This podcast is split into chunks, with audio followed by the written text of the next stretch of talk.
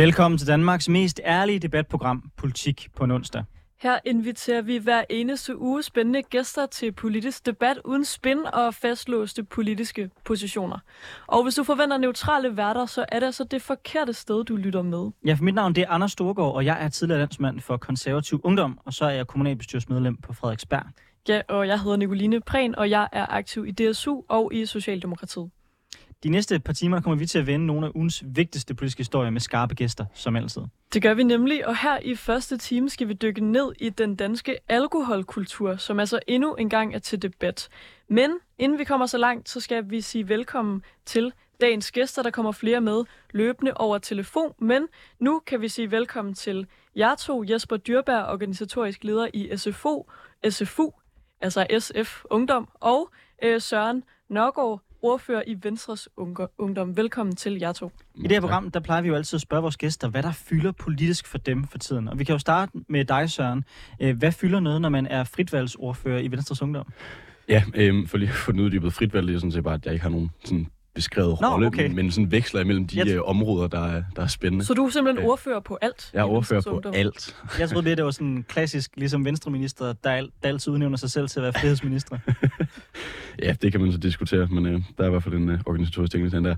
Nå, men øh, tak for invitationen. Øh, Spørgsmålet det måtte have været, hvad der optog mig for tiden. Øh, det blev sådan set nævnt lidt i nyhederne omkring det her med VM i Saudi-Arabien 2034, øh, som jeg synes, der er altså dybt problematisk. Øhm, man kan sige, at vi havde hele diskussionen i løbet af 2022 og 2021 omkring det her VM i Katar. Jeg brugte også selv meget tid på det i, øh, i VU, med at rende og fortælle om, hvorfor er det her problematisk. Øh, og, og hvorfor er det det problematisk, at, øh, at den mellemøstlige verden spytter så mange penge i verdensfodbolden. Og jeg vil starte med at sige, at problemet det ligger også sådan ved FIFA, fordi FIFA de indførte det her berømte og berygtede rotationsprincip blandt øh, værtskontinenter, øh, ikke bare værtsnationer, værtskontinenter, som i praksis betyder, at hvis, en, hvis et kontinent har haft en VM-slutrunde, så må det ikke have en VM-slutrunde de næste tre VM. Så det vil altså sige, at med det VM, man har skabt for sig selv, som vi skal til i 20... Hvad bliver det? Det bliver 2026, som skal ligge i, hvis jeg ikke husker helt forkert, i, øh, i Afrika og Sydamerika og Europa. Og det er noget vrøvl, jeg siger, det er 2030, 2026 skal det være i Nordamerika. Øh, så det bliver USA, Mexico og Kanada. Men i 2030, og det er der problemet opstår for mig, der skal det ligge i Afrika, i Sydamerika og i, øh, i, øh, i Europa. Det er sådan primært Spanien og Portugal, der har den. Så bliver det Marokko, og så bliver det, hvis jeg ikke husker helt forkert, Brasilien, Argentina og Uruguay, der har en kamp eller sådan noget. Det, det i praksis betyder, det er, at de tre kontinenter er udelukket til at kunne byde ind på slutrunden i 2034. Det har så betydet, at det er efterladt til enten Asien eller Oceanien. Og Australien de meldte ud i går, at de kommer ikke til at byde ind på den, så der er de facto Saudi-Arabien tilbage til at byde ind på det. Og det skal ikke være nogen hemmelighed. Saudi-Arabien, de har spyttet milliarder i den europæiske topfodbold, især hen over en årrække, blandt andet med investeringer i Manchester City, i øh, Newcastle, i AC Milan, i Real Madrid, Barcelona for den skyld også. Der er spyttet milliarder i det her foretagende, og de har masser af penge at gøre med. Og det er et problem, fordi vi ser bare Saudi-Arabien, jo jo, de rykker der lidt, og der er begyndt at komme noget mere i forhold til kvinderettigheder, som nu man tager uddannelse, må køre bil frem og tilbage. Mm. Men, men, men det er forsiden af medaljen. Bagsiden af medaljen, den er gigantisk. Øhm, for slet ikke at snakke om korruption, sportswashing og så videre. Okay, nu som en, der ikke øh, ved særlig meget om fodbold, og heller ikke om de regler, der ligesom er for, hvem der så må afholde de her verdensmesterskaber. Det du tænker, Søren, er det, at man skal opstille nogle nye regler for, hvem der ligesom må være vært til VM, eller man skal, man skal lade være med at gå, lade det gå lige så meget på runde, man skal kunne tage flere VM's i træk, eller hvad, hvad er det, du efterspørger? Jamen, jeg, jeg tror virkelig, det jeg efterspørger, det er en, en jeg tror indtaget, at rotationsprincippet, det er en okay tanke. Problemet det er bare, når man så giver tre kontinenter et VM, mm. så gør det det rigtig, rigtig svært at skabe reel rotation. Jeg tror ikke, hvis man skulle have gjort noget, så skulle man have sagt, okay, fint nok, i 2030, der kommer Europa til at stå for VM. Fordi hvis man nu kigger bare mod Tyskland, de har gigantiske stadions. De har erfaring med at arrangere de her store slutrunder. De, altså, jeg tror, de mente op mod Qatar 2022. Der kunne, altså, de kunne have planlagt en slutrunde sådan noget et halvt år. Så det havde ikke været noget problem for dem at gøre det. Frankrig har kapaciteten, Spanien har kapaciteten, nu har de så også noget af det. Så, så der er masser af lande, Italien for den sags skyld også, der har kapaciteten til at kunne løfte den her opgave. Så jeg tror, det havde været mere rigtigt at sige, fra FIFAs side, så er det Europa, der skal ind og byde på den her, og have den her, i stedet for at man deler det ud på tre kontinenter og udelukker dem for de næste tre slutrunder. Altså, det er jo altid lidt en svær diskussion at være i, når man ikke er sådan vildt sportsinteresseret, fordi det er jo nemt politisk nok at komme med den dom, der hedder, så skal vi bare blive væk. Det synes jeg jo også, vi skal, men rotationsprincippet er vel indført, fordi man gerne vil have, at det ikke skulle være sådan, så at hver gang, at der var en øh, VM-slutrunde, eller der var et stort sportsarrangement, så lå det i Europa. Så hvordan kommer man udenomkring det, hvis ikke man er interesseret i at lægge sportsbegivenheder i lande, der værdimæssigt, samfundsmæssigt er vildt anderledes end det, vi er i Europa? Fordi du kan godt sige, okay, fint, ikke Saudi-Arabien, men vi må bare anerkende, at verdens demokratier er i mindretal. Mm. Det er en meget lille del af verden, der er demokratiske. Mm. Så hvis man gerne vil have sportsbegivenheder i hele verden, er man så ikke et eller andet sted tvunget til også at lægge det hos nogle lande, der værdimæssigt er helt anderledes end os?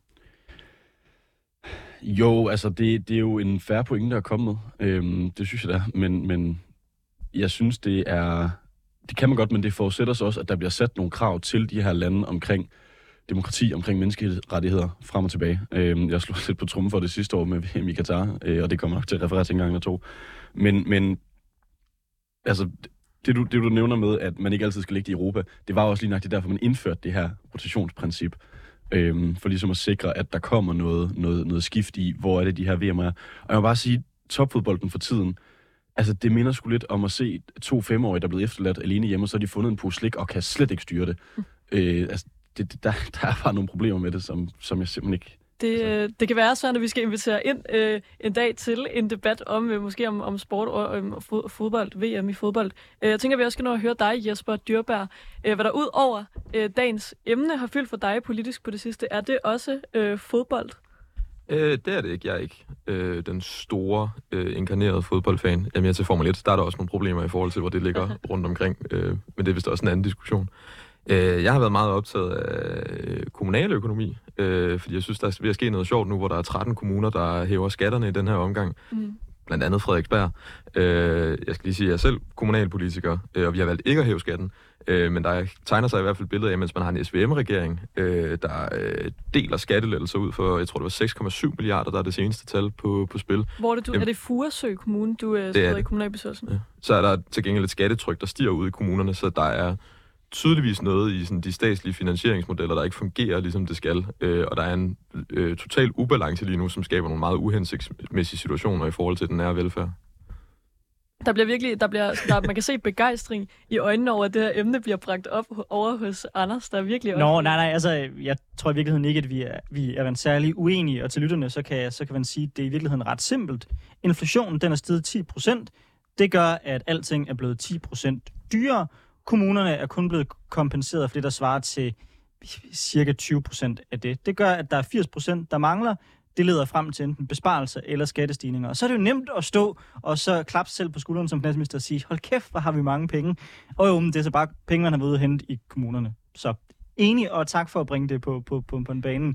Men altså, jeg tror, jeg tror desværre ikke, det er en kamp, hvis en kommunalpolitiker vinder sådan lige forløbig over finansminister øh, Nikolaj Vammen. Nej, og, øh, og, og, og med de ord kan det være, at vi faktisk øh, skal gå videre til dagens debat.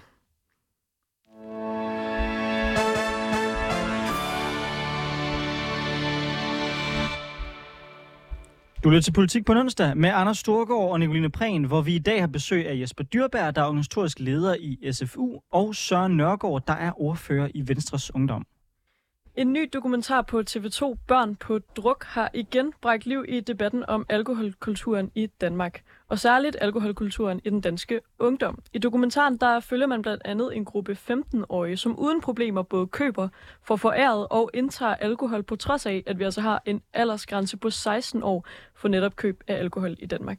Dokumentaren kommer kølvandet på, at danske unge i mange år har haft Europarekorden i druk. For eksempel så har 82 procent af de danske 15-årige prøvet at drikke alkohol, mens det øh, gælder øh, 59 procent af deres europæiske jævnaldrende. Samtidig har 65 procent af de danske 15-årige drukket alkohol inden for den seneste måned, og 42 procent har prøvet at være fulde mindst to gange. Det er cirka dobbelt så højt som gennemsnittet i resten af Europa. Men er den danske alkoholkultur egentlig et problem? Det spørger vi os om her i dagens første time af politik på en onsdag. Helt kort, Søren, øh, er der et problem med alkoholkulturen i Danmark? Ja, det er der i og for sig. Øhm, vi, altså, vi, drikker for, vi drikker ret meget. Øh, det skal man være både blind og døv for at kunne få øje på. Dog vil jeg så også have lov til at påpege, vi lever så også med en generation blandt de 16-24-årige, der helt konsekvent drikker mindre. Øh, tallene fra 2010 til 2021, de er faldet. Altså over, uanset øh, køn, øh, uanset uddannelsesniveau, vi drikker mindre i vores generation. Øh, hvis man skal kigge på en aldersgruppe, der drikker ret meget, så skal vi altså op til de 55 plusårige. De har ligget ret stabilt hen over den her øh, samme årrække fra 2010 til 2021. Øhm, så jeg synes, det er... Det, det, jeg synes, debatten om unges alkoholvaner, det er simpelthen sådan en fortærsket og nederen debat, fordi vi drikker mindre, vi ryger mindre, vi er mere ansvarlige. De større alkoholproblemer, de ligger altså ved, ved den ældre generation. Øhm, så jeg synes, jeg, jeg forstår godt, man har en bekymring, men, men, men derfor så til at sige, at der i og å, og så skal der alderskontrol på kreditkort, som det konservative folkeparti foreslog, og det synes jeg simpelthen, der er noget fis, og det, det er at fordumme de unge mennesker, og det er at sige til os, I er simpelthen ikke i stand til at tage ansvar for jeres eget liv, og det, det brød jeg mig ikke særlig meget om, øh, Jamen, det skulle komme bag på nogen. Altså, jeg synes, det er et fremragende forslag, som mit parti er kommet med, med, med her. Jeg er helt sikker på, at de unge, de ikke evner at gå ned i en hæveautomat, og så hæve det til kontanter, og dermed gå ned og købe deres alkohol. Jamen, du gætter med argument. Det er, det er super, super skarpt. Nå, vi skal også, øh, vi skal også have dig på, øh, på, på, på, på en banen. Øhm, SFU, hvor står I henne på det her spørgsmål? Er der en forskel på, om man er ung socialist, eller om man er ung borgerlig? Liberal. Øh, jamen, det er der på, på mange punkter. Her tror jeg, at vi er meget enige, fordi der er et problem med alkoholkulturen i Danmark, øh, som er et bredere og et større problem, men den er ikke udelukkende myndet på unge mennesker. Og for at lægge, sig, lægge mig i forlængelse af det, Søren siger, så kan man jo også nævne, at hvis man kigger på andelen af for eksempel øh, unge, altså mellem 16 og 24 år, der øh, drikker øh, mindre, drikker mere end øh, de anbefalede 10 genstande om ugen, jamen så er den i løbet af øh, 11 år halveret, øh, og er nu kommet ned på et niveau, hvor der faktisk, hvor dem øh, over 55 år i alle aldersinddelinger øh, hyppigere drikker mere end, øh, end 10 genstande på en uge, end den mellem 16 og, og 24. Så vi skal konstatere, at ja, der er et alkoholproblem. Vi drikker for meget i Danmark, men det er ikke noget, der er myndet på den unge generation. Det er et bredt øh, samfundsproblem, som vi også skal løse som et bredt samfundsproblem. Okay, så altså fra øh, begge fløje en skepsis over for det her ungdomsfokus øh, i alkoholdebatten. Vi øh, vender tilbage til begge to, Jesper og Søren. Inden da, så kan vi også sige velkommen til dig, Elisabeth Karpf Andreasen. Øh, er du med? Ja, det tror jeg, hvis I kan høre mig i hvert fald. Perfekt, det kan vi. Velkommen til. Du er øh, studerende, og så skrev du den 24. oktober et indlæg i Politiken øh, under overskriften Efter studiestarten stod det helt klart, vi bør hæve aldersgrænsen for alkohol, hvor du blandt andet skriver, i sommer startede jeg på Københavns Universitet. Jeg var spændt på introforløbet. En lille fli af mig tænkte med uro tilbage på introforløbet i gymnasiet, som var præget af drukpres og en ekstrem trang til at skulle passe ind i fællesskabet. Men nu havde jeg trods alt lært at bunde øl, og alkoholrosen havde fungeret som en velfortjent afslutning på min arbejds- eller skoleuge i en håndfuld år. Hvor slemt kunne det være? Jeg blev mildest talt overrasket over, hvad jeg blev mødt af. Øh, altså, hvad du blev mødt af, på, da du startede på Københavns Universitet. Elisabeth, kan du ikke øh, starte med at fortælle os lidt om, hvad det er for nogle oplevelser med alkohol, som du øh, har haft i dit møde med, med uddannelsessystemet, som du blandt andet øh, beskriver her i politikken? Jo, øh, altså vi kan starte, øh, som jeg beskriver i mit debatindlæg her forleden. Øh, så da jeg startede på universitetet, der var der sindssygt mange klare regler for, hvordan man skulle gøre, som var blev overholdt både af tutorer øh, og alle mine medstuderende. Der var regler om, at alkohol det måtte indtages fra klokken 17 af. Øh, og så var der det her med, at alkoholfri alternativer, de stod bare klar til alle lege, så man ikke ligesom i gymnasiet skulle gå ind og spørge om det. Øh, vi havde en regel om, at alle drikkevarer, der stod øh, oven på noget sølvpapir, de var alkoholfri. Så man behøvede ikke være opmærksom på, hvis man ikke lige havde lyst øh, til at tage et shot i den pågældende leg. Øh, derudover så fik øh, vores tutor et kursus i at skabe en tryg studiestart og de skriver under på, at de ikke må drukne sig, de må ikke lægge an på russerne for den sags skyld heller. Øh, og så efterfølgende, når introforløbet er slut, så blev man spurgt om, øh, om der var grænser, der overhovedet var blevet overtrådt. Så det, øh. Øh, det du siger er faktisk, at på universitetet var man ligesom markant bedre til at håndtere øh, det her med alkohol, end man var, da du startede på gymnasiet? Ja, helt vildt. Altså, det var også det paradoks, jeg lidt skriver om, at når man var ung og startede gymnasiet og havde brug for det, der var, øh, der var ingen regler, der blev overholdt. Øh, det blev aldrig nogensinde lagt op til, du havde et valg. Du blev skubbet ind i en række til en ølstafet. Øh, du skulle tage body tequila på en dreng, inden du kom ind til festen. Øh, og det var selvfølgelig okay ikke at gøre det, men kun hvis du havde en kæreste.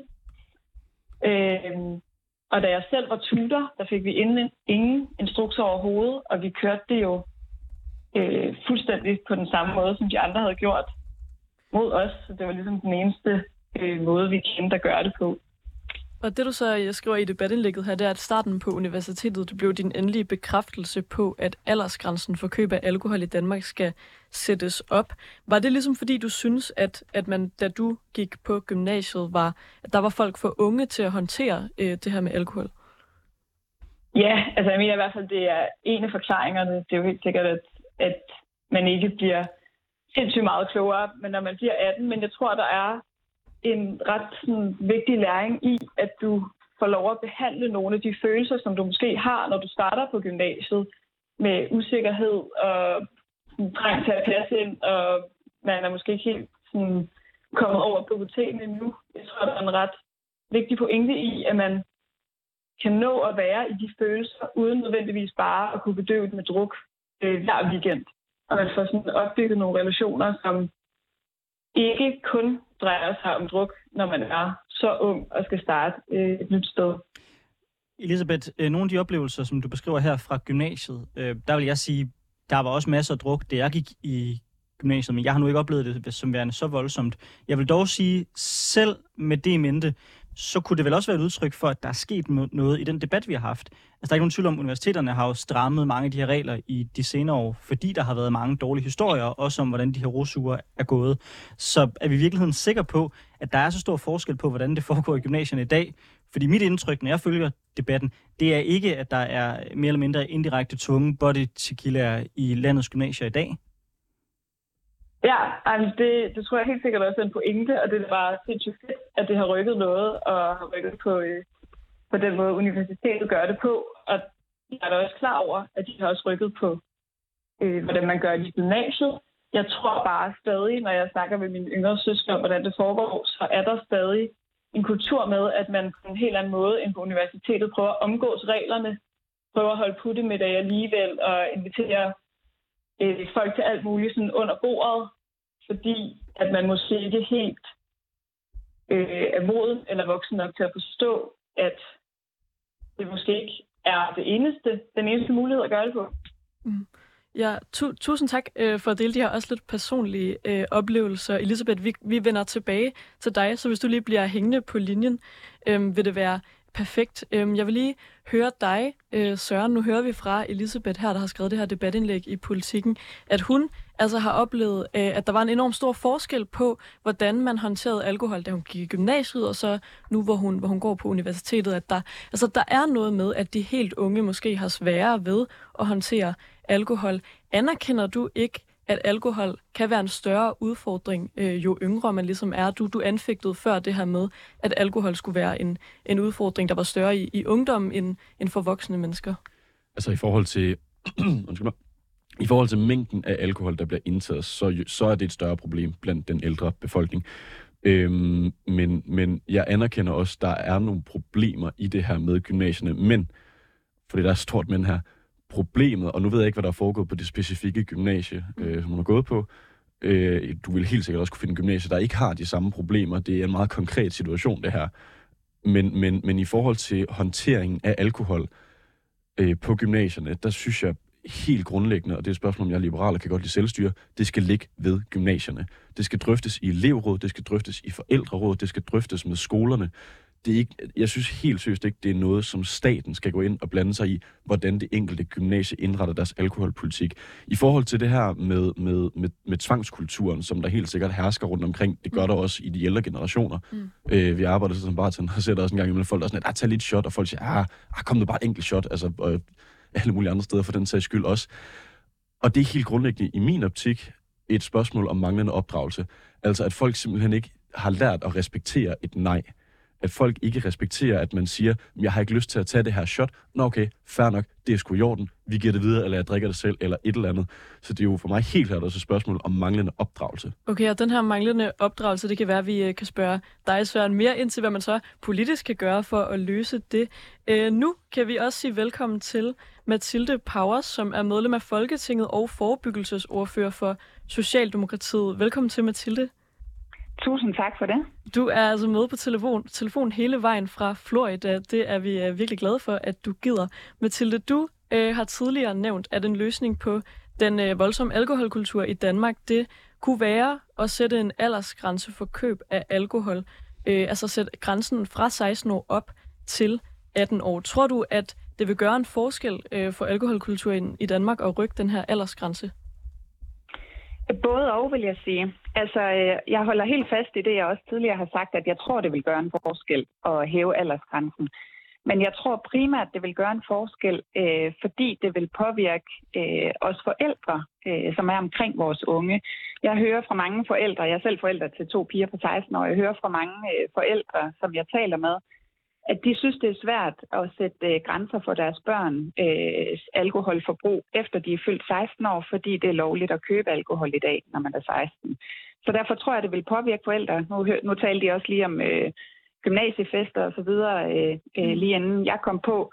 Og jeg tror også, det vil påvirke øh, for eksempel gymnasiefester. Hvis det ikke var lovligt at købe alkohol i butikker, før man var 18, så kunne jeg forestille mig, at gymnasier heller ikke ville servere øh, alkohol til deres fester længere. Så jeg tror, at den slags dominoeffekt vil det have. Men jeg er ikke sikker på, at det vil have så stor en effekt på, øh, om de unge kunne få fat i alkohol øh, i forhold til øh, hvis vi ikke gør noget andet ved den kontrol, øh, som der er i dag med, ja, øh, med køb. Fordi kan man ikke øh, være nervøs for, at altså, vi ser øh, blandt andet i den her nye TV2-dokumentar Børn på druk, at øh, der er 15-årige, der er så nemt kan øh, få fat i alkohol, selvom vi har en grænse på 16. Kan man så ikke være nervøs for, at det ikke kommer til at gøre en forskel og rykke den her aldersgrænse, fordi at helt unge fortsat bare vil, vil kunne gå ned i, i Netto og, og, og købe en sixpack øl? Jo, det, absolut. Og det er nok også et af de største problemer, vi har lige nu. Øhm, det er, at de regler, der allerede findes, de bliver simpelthen ikke håndhævet. Øhm, og vi sidder lige pt. nu i Folketinget og forhandler en ny forebyggelsesplan for børn og unges brug af alkohol og nikotin. Og et af de helt store temaer der, det er, hvordan vi kan komme i mål med, at de regler, der allerede findes, de også bliver håndhævet. Fordi ellers kan det jo være en lille smule ligegyldigt, øh, i hvert fald i det perspektiv, at lave nye regler.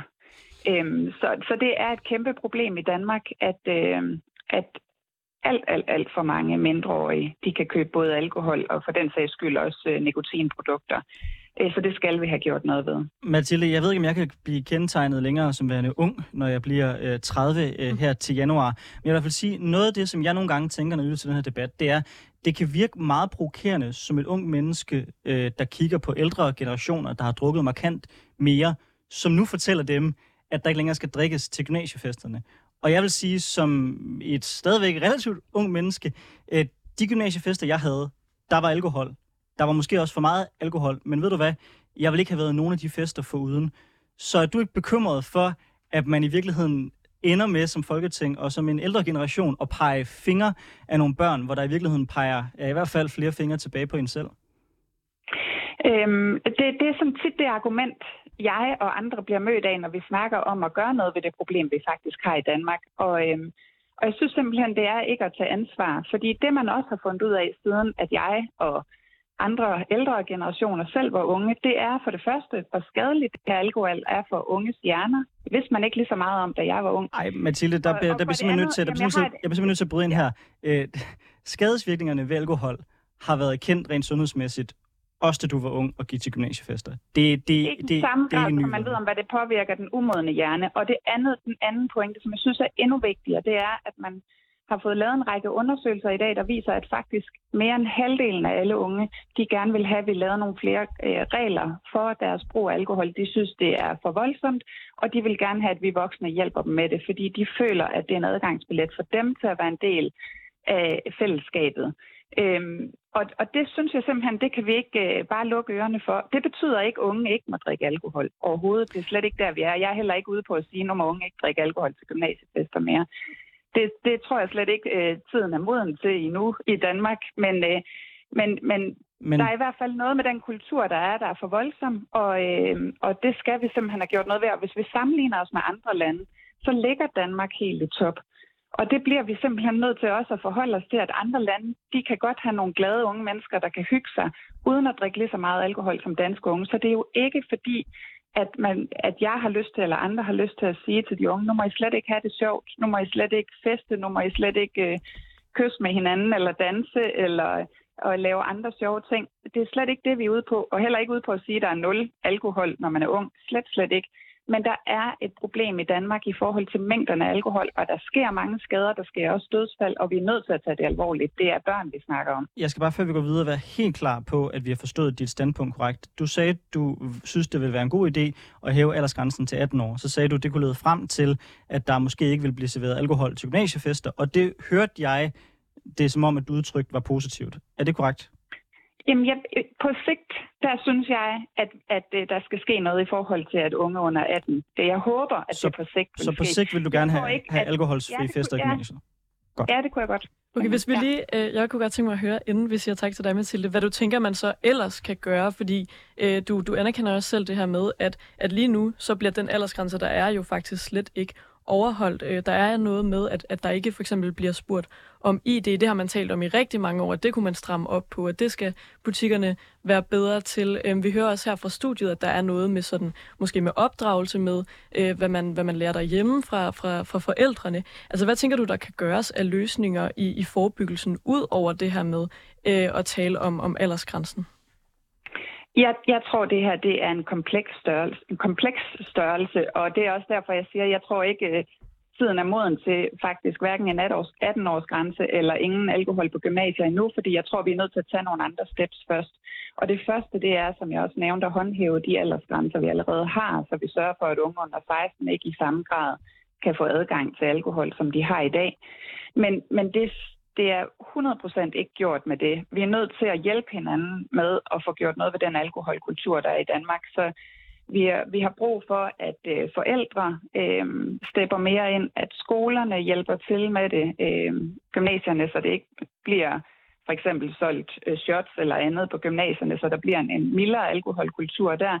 Vi har også brug for, at erhvervslivet de tager mere ansvar, så de er også øh, begynder at tage seriøst, at der skal, der skal spørges til ID, eller der skal laves i hvert fald nogle, nogle funktioner, som også gør det nemmere for dem at spørge, eller måske der skal sidde nogen ved kassen, der har nemmere ved at spørge. Øhm, så, så vi er nødt til at øh, sætte ind øh, bredt, hvis det her det skal lykkes. Det er jeg helt sikker på, fordi kulturen er så gennemgribende i Danmark, at det vil ikke lykkes, øh, heller ikke selvom at vi laver om på nogle regler øh, inde i Folketinget, uden at, at vi er mange, der står sammen. Okay, så lige helt til sidst. Er der noget med, at de ældre generationer også skal opfordres til at drikke mindre alkohol, eller er det kun de unge, der skal fokuseres på?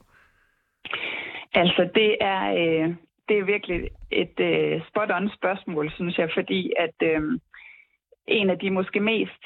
Øh, tydelige oplevelser, jeg har haft med en alkoholdebat som politiker, det var øh, i en paneldebat en gang, hvor der var et ungt menneske, der rejste op, og så sagde han til os, da vi havde diskuteret meget længe øh, de unges alkoholkultur, så sagde han, vi gør jo bare det, som I gør. Vi vil jo super gerne øh, være voksne, når vi er i slutningen af teenageårene, og vi kan se på jer, at I altid, øh, I voksne, I drikker altid alkohol, når I er sammen. Så det vil vi jo selvfølgelig gerne kopiere. Og den gik lige ind, synes jeg. Og der er jo ingen tvivl om, at vi voksne i Danmark, vi drikker også utrolig meget alkohol, og vi gør det i rigtig mange sammenhænge, og også foran vores børn. Og det er der faktisk mange andre lande, hvor man ikke gør.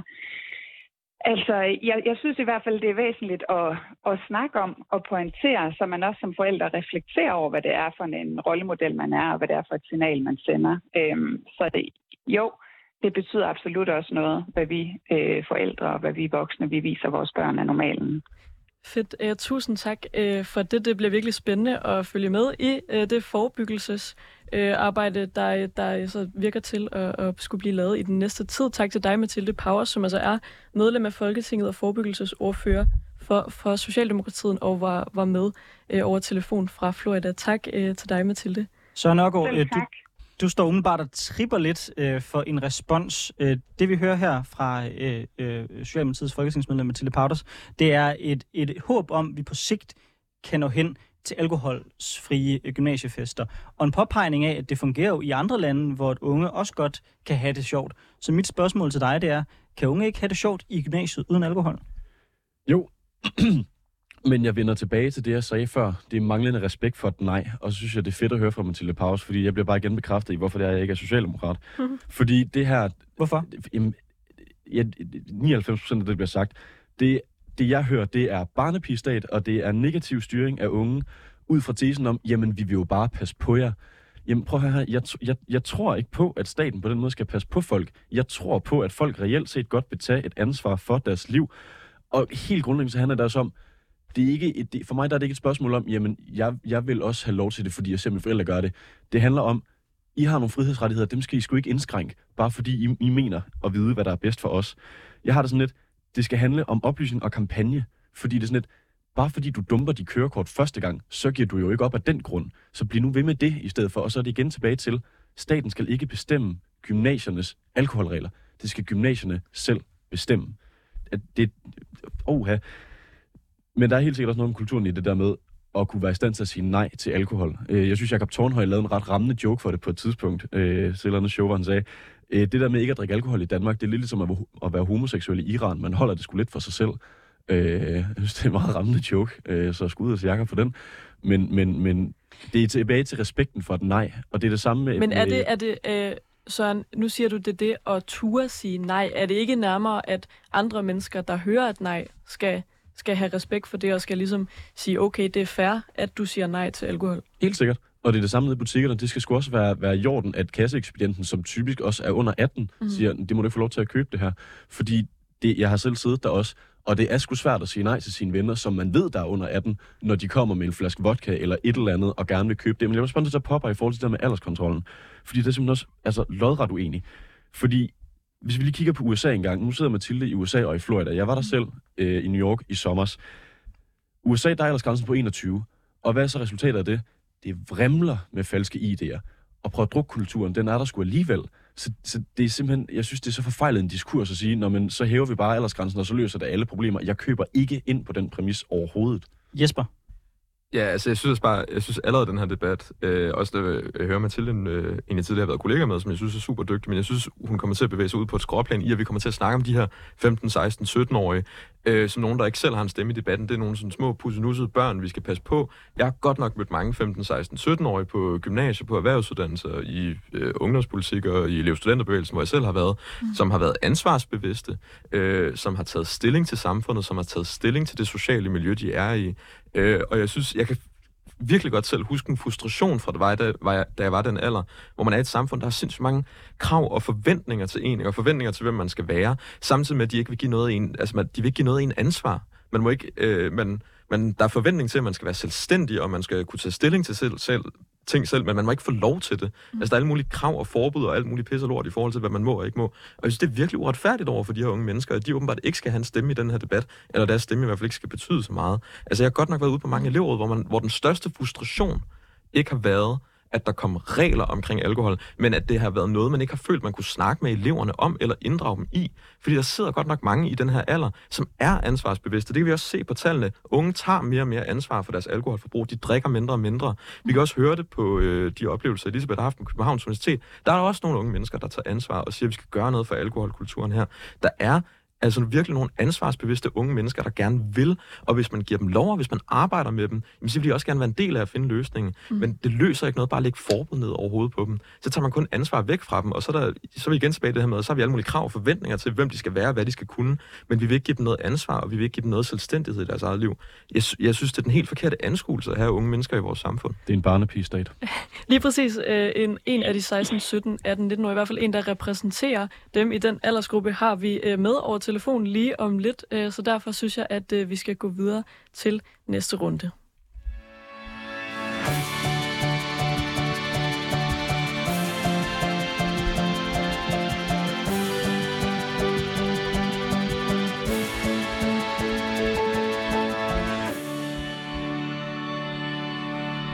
Du lytter til Politik på en onsdag med Anders Storgård og Nicoline Prehn, hvor vi i dag har besøg af Jesper Dyrberg, som er organisatorisk leder i SF Ungdom, Søren Nørgaard, som er ordfører i Venstres Ungdom, og Elisabeth Karpf Andreasen, som er studerende.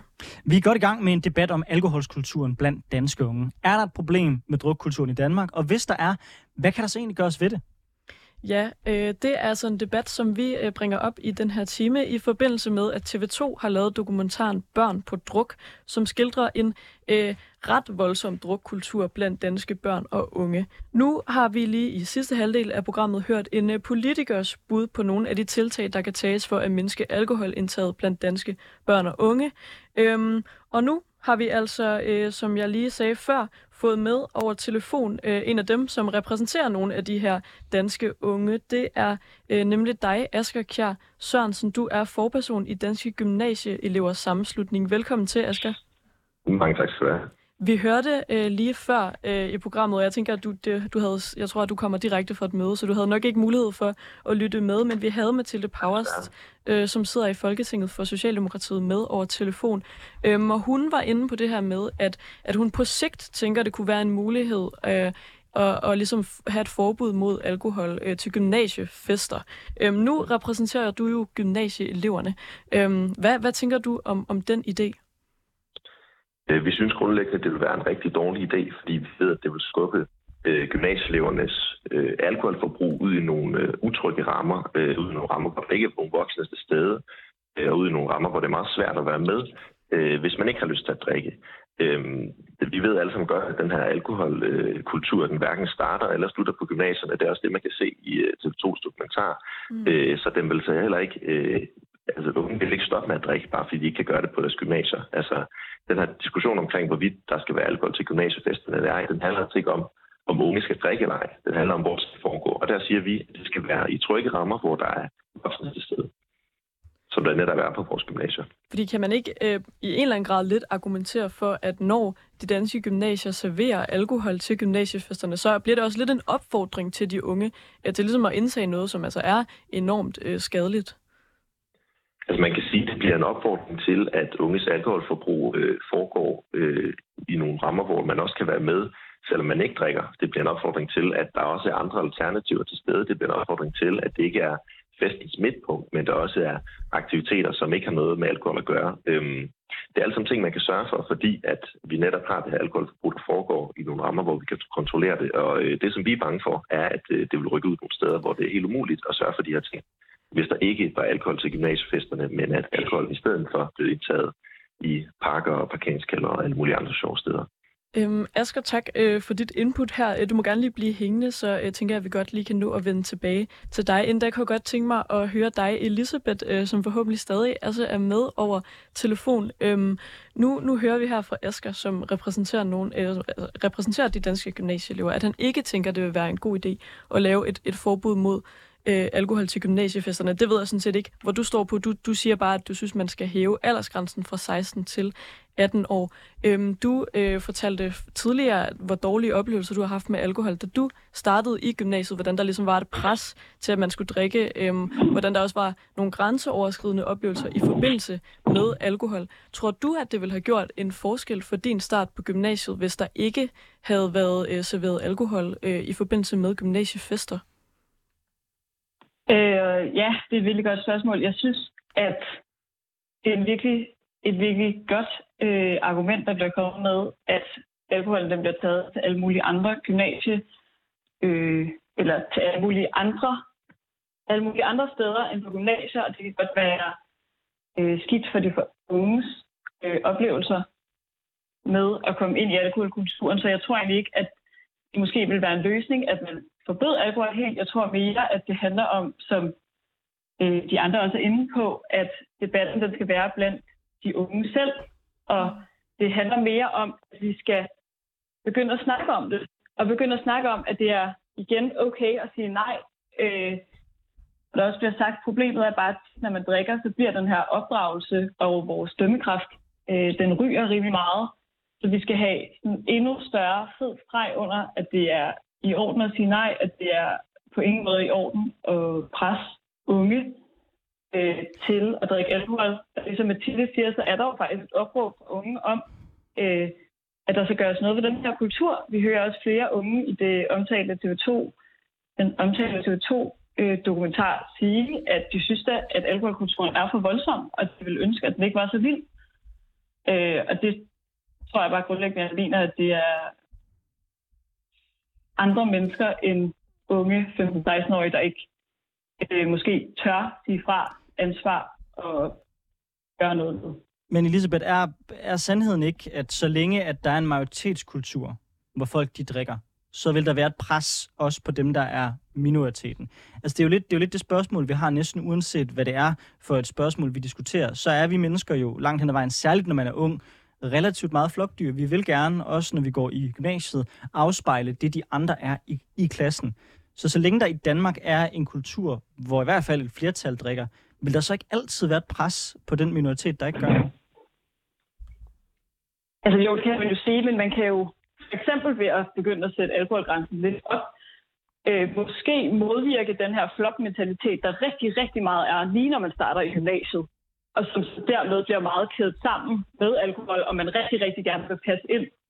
Jeg tror bare, at man sagtens kan komme hen et sted, hvor det bliver meget mere accepteret, som vi allerede ser i dag, hvilket er sindssygt fedt, at vælge ikke at drikke, og acceptere dem, som står udenfor, og de sagtens kan være med alligevel, selvom at der ikke bliver drukket alkohol. Øhm, ja, tak for det, e- Elisabeth. Jeg kunne godt lige tænke mig at høre, inden øh, vi hopper tilbage her i studiet til jer, øh, Jesper og Søren, så kunne jeg godt tænke mig at høre dig, Asger fra øh, Danske Gymnasieelever Samslutning. Øh, hvad du tænker, når du her hører Elisabeth, som altså øh, har beskriver, øh, hvordan hun i gymnasiet havde dårlige oplevelser med, at alkohol fyldte rigtig meget og skabte et, et pres. Øh, altså, når du hører det øh, fra en, der, der også har gået i gymnasiet, tænker du så ikke, at altså, kan du ikke anerkende, at det kunne måske rykke noget af det pres til senere i livet, altså så det ikke lå lige omkring øh, gymnasiestarten, hvis aldersgrænsen for eksempel var på 18 år i stedet for på 16 år? Jeg tror, mm. vi, undskyld Asger, hvis jeg lige må bryde ind, jeg vil lige fortælle lytterne, at her i studiet, øh, der er der lige blevet delt snus mellem de, øh, de to deltagere, bare apropos en diskussion omkring øh, unge, unge og, og, og frit valg. Og frit valg. Så, så dig, Asger. ja, um, altså, jeg, jeg tror faktisk ikke, øh, at, at det vil være øh, altså forbud og, og lovgivning, der, der, vil, der vil gøre forskellen her. For som Elisabeth også selv siger, så handler det om kultur. Øh, det handler om drukkultur, som vi skal gøre noget ved. Øh, det, man også sagde i den dokumentar, det er, at øh, det her drikkepres, det er altså også noget, som dem, der sidder 14-15 år, så oplever selvom der er jo ingen af dem eller deres venner, der kan købe alkohol øh, nu eller i fremtiden, så øh, køber de øh, allerede alkohol, og også den alkohol, som man først kan købe, når man er 18 år. Så det, er jo, det, det, det viser ret tydeligt, at det ikke er altså en lovændring, der vil skabe den her kulturændring. Øh, I stedet for synes jeg, at man burde øh, gå meget mere i gang med det arbejde, som også allerede skal nu, med at sørge for, at, øh, at det bliver mere okay at starte den her samtale og invitere os unge ind i den, i stedet for. Øh, men det bliver bare rigtig svært, hvis man gerne vil umyndiggøre vores stemme ved at sige, at det er os alene, der ligesom skal løse problemet ved bare at stoppe med at drikke, øh, og at man bare lægger et forbud hen over hovedet på os. Jeg synes, det er vigtigt at tage nogle andre midler i brug, øh, som man ligesom kan gøre noget for den her kultur. Øh, for jeg tror egentlig, det er den, der øh, er problemet lige nu, og ikke lovgivningen. Og Asger, jeg, jeg, jeg, jeg hører, hvad du siger. Jeg hører virkelig også, det er langt hen ad vejen, det der bliver sagt af de andre i studiet her. Og nu vil jeg gøre det, at jeg vil begynde at sige noget, der er endnu mere rabiat, også bare for at prøve at udfordre lidt. Fordi Søren, du øh, fremhævede tidligere et eksempel, at du sagde, at det var dårlig opdragelse, øh, når man eksempelvis var i en vennegruppe, og nogen lagde lidt pres på, at der var nogen andre, der skulle drikke noget mere. Når jeg hører alle sammen, så hører jeg egentlig en anerkendelse af, at unges drukkultur er et problem. Det, jeg gerne vil spørge jer nu om, det er, er det overhovedet et problem? Og grunden til at spørge om det er, fordi klart, der er nogle sundhedsmæssige konsekvenser ved folk, de drikker for meget. Det er utvisteligt. Men igen, når jeg kigger tilbage på min ungdom, så var der gymnasiefester, hvor jeg drak for meget men jeg synes stadigvæk, at jeg havde virkelig gode fester. Og jeg er faktisk glad for de oplevelser, jeg har haft, til trods for, det måske ikke sundhedsmæssigt var det fedeste øh, for mig. Og det er da også tit, når jeg er i byen, at jeg da godt kan finde på at være typen, der kører nogle shots, og så siger, kom nu, skal vi ikke have nogle, nogle shots? Så lægger man jo også lidt pres på ens venner. Men nogle gange, så er det jo også det, der kan være med til at skabe en god fest for alle. Så det er jo altid en balancegang med at respektere et nej, men vel også, at folk skal have lov til også at tage nogle beslutninger, der er sundhedsskadelige. Så er det overhovedet et problem, vi drikker så meget, Søren? Jeg vil starte med lige at komme med et tal. I en opgørelse i 2021 foretaget af Sundhedsstyrelsen, der var det 18,9 procent af de 16-24-årige, der drak mere end 10 genstande i løbet af en typisk uge. 18,9. Det tal det er altså faldet med 20 procent i forhold til 2010. Det vidner for mig om en generation, der tager ansvar. Det synes jeg, det vil jeg gerne bare lige starte med, starte med lige at, at, at smide derud. Øhm, altså, i forhold til de spørgsmål, fordi det, det, skal, det skal nemlig ikke handle om, hvorvidt alkohol er sundhedsskadet eller ej, fordi det tror jeg ikke, der er nogen som helst tvivl om. Men, men, men jeg, jeg, som jeg hørte, så går dit spørgsmål i virkeligheden på inklusionen blandt dem, der ikke drikker, eller hvordan? Nej, men altså mere, mere der bliver talt meget om, hvordan vi i virkeligheden bedst kommer drukkulturen øh, til livs. Skal vi gøre det gennem forbud, eller skal vi gøre det ved at tage en drøftelse om kulturen? Det, jeg spørger dig om, det er, er drukkulturen overhovedet et problem? Altså, som jeg sagde før, så handler det om oplysning og kampagne. Øh, altså, folk, der dummer deres kørekort, som jeg sagde før, de prøver igen. Men, altså, og, men hvis, og hvis man føler, at ens kampagne mm. de er mislykket, så prøver man igen. Man kan se Rådet for Sikker Trafik og, øh, hvad hedder det, øh, og en eller anden NGO, jeg kan simpelthen huske, hvad det hedder, de lavede den der FOMO Forever-video her, den, her for noget tid siden, som handlede om det der med, at hvis man bliver for fuld, så, og man ikke kan huske det hele, hvor fedt er det så egentlig taget, ligesom for ligesom at prøve at mindske de unges alkoholvaner, få dem til at tænke over, hvor meget de egentlig drikker. Ja, fordi jeg kunne godt lidt tænke mig at høre jer her i studiet, Jesper og Søren. I forholder jer rigtig kritisk over for nogle af de løsningsforslag, der ligesom kommer blandt andet fra Elisabeth og blandt andet fra Mathilde. Øhm, altså, hvad er det så, der skal til? Altså, I taler om kampagne. Har man ikke prøvet det rigtig længe? Det har man prøvet på mange forskellige områder, uden det ligesom virker til at rykke sådan helt vildt meget. Du talte før, Søren, om opdragelse. Altså, hvad, hvad, hvad, hvad kan man konkret gøre politisk? Jesper, du er selv kommunalpolitiker. Hvad, hvad, kan, hvad kan der gøres politisk for at, at ændre på det her? Jesper men, først, og så Søren. Det var bare lige hurtigt. Jeg har lige sagt, det er faldet med 20 procent andelen af unge, der drikker i 16-24 års alderen. 20 procent. Altså, det er under hver femte, der drikker mere. Men vi ser stadig, at, der, at danske unge drikker tre gange så meget som gennemsnittet i Europa. Ja, jo, jo, bevares. Men, men, men, og, det er, og det er jeg fuldstændig med på, og, og det er en selvstændig pointe, men, men det handler ligesom om det der med, at man skal være i stand til at kunne træffe de frie valg, også selvom de ikke altid er sunde. Mm. For ellers så havner vi bare i en eller anden glidebane, hvor så vil jeg også stille mig og sige, jamen fint nok, alkohol er sundhedsskadeligt. Det er kaffe også og vi har lige mm. stået og drukket en kop, inden vi kom herind. Mm. Slik, det er også sundhedsskadeligt. Altså, kager, det kan også være dårligt for vores fedtprocenter, og frem og tilbage. Altså, det bliver hurtigt sådan en glidebane med, at jamen, hvor meget skal staten ind og bestemme, mm. hvad vi må og hvad vi ikke må. Mm. Vi skal have lov til at træffe valg, også selvom de er dumme, fordi vi har deres med at lære af vores dumme valg. Jesper, du, du øh, er kommunalpolitiker. Hvad, hvad skal der gøre? Hvad kan man gøre fra politisk hold for at ændre på det her? Jeg vil lige starte med at svare på Anders' spørgsmål. Ja, der er et problem med alkoholkulturen i dag. Den er ikke, som jeg i hvert fald ønsker, den skal være. Mm. Fra politisk side af, så tror jeg, det handler om at skabe nogle sunde incitamenter der, hvor de unge drikker, for at der kommer en bedre kultur. Jeg kan huske på mit eget gymnasium. Øh, øh, på mit eget gymnasium, der var der på el- nogle elevers eget initiativ, blev der oprettet et lokale til festerne, hvor det var uden alkohol, hvor man kunne sidde og få en kop saftevand eller en kop te, og spille nogle brætspil, altså for at skabe et pusterum for dem, der måske lige havde brug for en pause for alkoholen. Mm. Så er nogle initiativer, der bliver skabt øh, i faciliteret rum, hvor der er voksen tilstedeværelse sammen med eleverne for at skabe en bedre alkoholkultur. Mm. Det er sådan noget, vi skal skabe de sunde incitamenter for. Det er virkelig også noget, det jeg hører øh, Elisabeth snakke om i forhold til KU, at der har engang været en situation, hvor der åbenlyst har været nogle rusture og øh, en, en rus, nogle rusfester, som er gået for vidt og som er blevet for voldsomme, hvor man så har sagt, hvordan skaber vi i dialog sammen med de studerende en bedre alkoholkultur, og det er så lykkedes, så det kan vi tydeligvis godt. Vi kan godt skabe den slags løsninger, hvor det ikke handler om forbud, men hvor vi i dialog med hinanden mm. finder en sundere måde at have alkoholkultur på. Men Jesper, de eksempler, du nævner der, det er vel nærmere muligheder for folk at opt-out, altså vælge at være, ikke være en del af det. Og det er jo noget andet, end at komme drukkulturen til livs. Du kan godt have en drukkultur, hvor 80 procent hammer igennem og har nogle vilde gymnasiefester, hvor de også drikker for meget, men der er mulighed for, at 20 procent så kan vælge noget andet. Men det, er jo, det kommer, kommer ikke drukkulturen til livs. Det, det kommer bare, noget af drukkulturen til livs, fordi for en, del, en del af drukkulturen er, er et pres. Det er en, en følelse af, at øh, man måske kan være en del af et fællesskab, hvis ikke man drikker. Og der er de her initiativer øh, en del af Men er det at få en noget, der, Skal der stilles krav til det her fra politisk hold? Eller må det bare være på eget initiativ fra eksempelvis gymnasierne? Ja. Det handler om at skabe sunde incitamenter. Det handler om, at vi skal have gymnasierne i dialog med deres elever omkring, hvordan de skaber en sundere kultur, ligesom det var med Københavns Universitet. Man skulle have universitetet i dialog med de studerende omkring, hvordan man skabte en sundere alkoholkultur. Og så er der også bare noget i forhold til, det er bedre, at de unge drikker inden for voksenfaciliteret rum, mm. end det er, at de drikker ude i byen, som man for eksempel ser i Børn på Druk, hvor de går og følger en eller anden albanivogn ude i Odense Gade. Der er det bedre, at de er inde til en gymnasiefest, hvor der måske også står en voksen bartender, der kan sige, hør her, Marker, du har fået nok. Mm. Altså, det er jo også en del af det.